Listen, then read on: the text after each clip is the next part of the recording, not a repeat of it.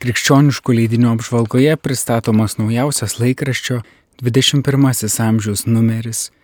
Laikraštis 21 amžius išėjo su keliais priedais. Viename jų Provita Mindaugas Buika apžvelgia tarptautinį neįgaliųjų dienai skirtą popiežiaus pranciškaus kreipimąsi.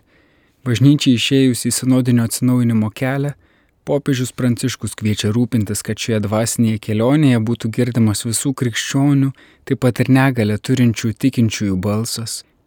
Be kiekvienos mens pažeidžiamumo pripažinimo, be suvokto ribotumo, fizinių ir mentalinių trūkumų nebūtų tikrojo žmogiškumo, aiškina šventasis tėvas.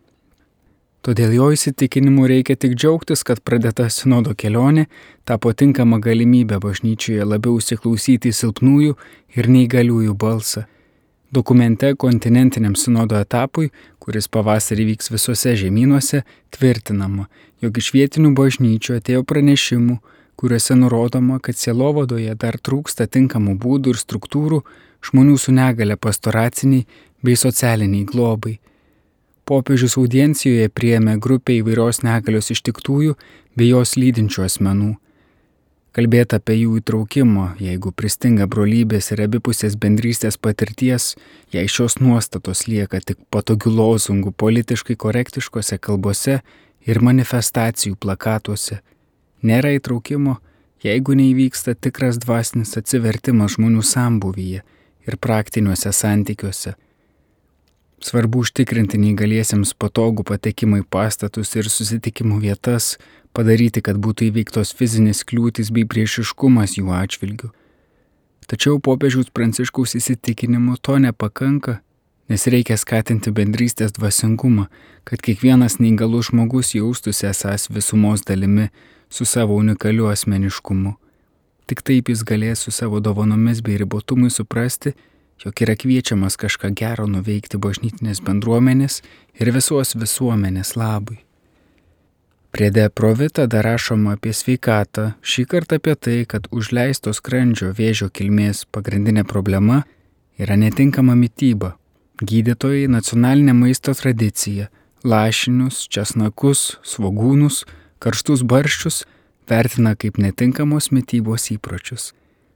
Provita dar spausdina apie inksto transplantaciją, kurios vienai mergaitai prireikė po širšės įkandimų. Rašoma apie jos gyvenimo istoriją, kurioje yra ir antroji transplantacija. Vyresniai turbūt dar prisimena, kokių kaltinimų prisigalvodavo sovietinio režimo valdžios atstovai, ateizmo propaguotojai bei okupantams tarnaujantis režimo gerbėjai, norėdami sukompromituoti jiems nepritarančius asmenis, ypač tikinčių žmonės, kuningus ir vyskupus. Už tiesos sakymą apkaltindavo tarybinės tikrovės šmeižimu ir kitomis nesąmonėmis, nubausdavo, nuteisdavo.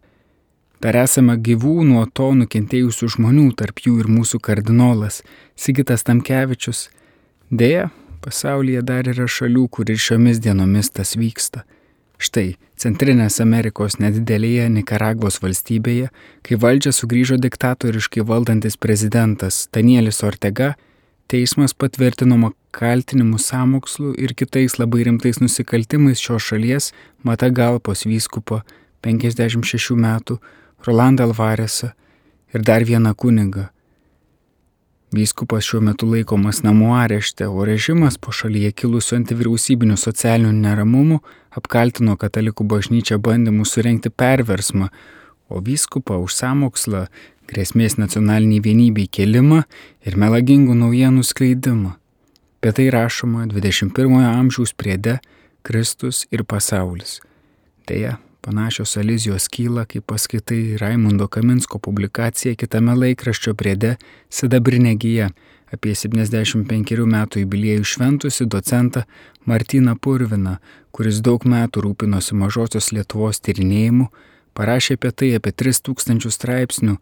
Štai, kad ėmė rašyti tiesą apie mažosios Lietuvos istoriją, jau nepriklausomoje Lietuvoje buvo žiauriai sumuštas samdytų žudikų, tik per atsitiktinumą liko gyvas, bet patyrė daug operacijų. 21 amžiaus priede Sidabrinė gyja dar rašoma apie Lietuvos katalikų bažnyčios kronikos leidėją seserį Gerardą Eleną Šiuliauskaitę, minėjusią 90 metų sukakti ir Varenoje gyvenantį menininką 80 metų Vytautą Baublį, surengusi paveikslų pagal Rembranto kūrybą parodą. Dar kitame priede, abipus Nemono, yra daug naujienų iš įvairių Lietuvos parapijų. Štai Elvite per vienas sumos mišės viešėjęs choras Egzaudį iš Kauno džiugino parapiečius angeliškais balsais. Kuršienuose pristatyta Jono Kiriliausko knyga apie kanūninką Matslovą Dambrauską, Švento Jono Krikštitojo bažnyčios statytoje, šiauriai nužudyta raudonųjų aktyvistų.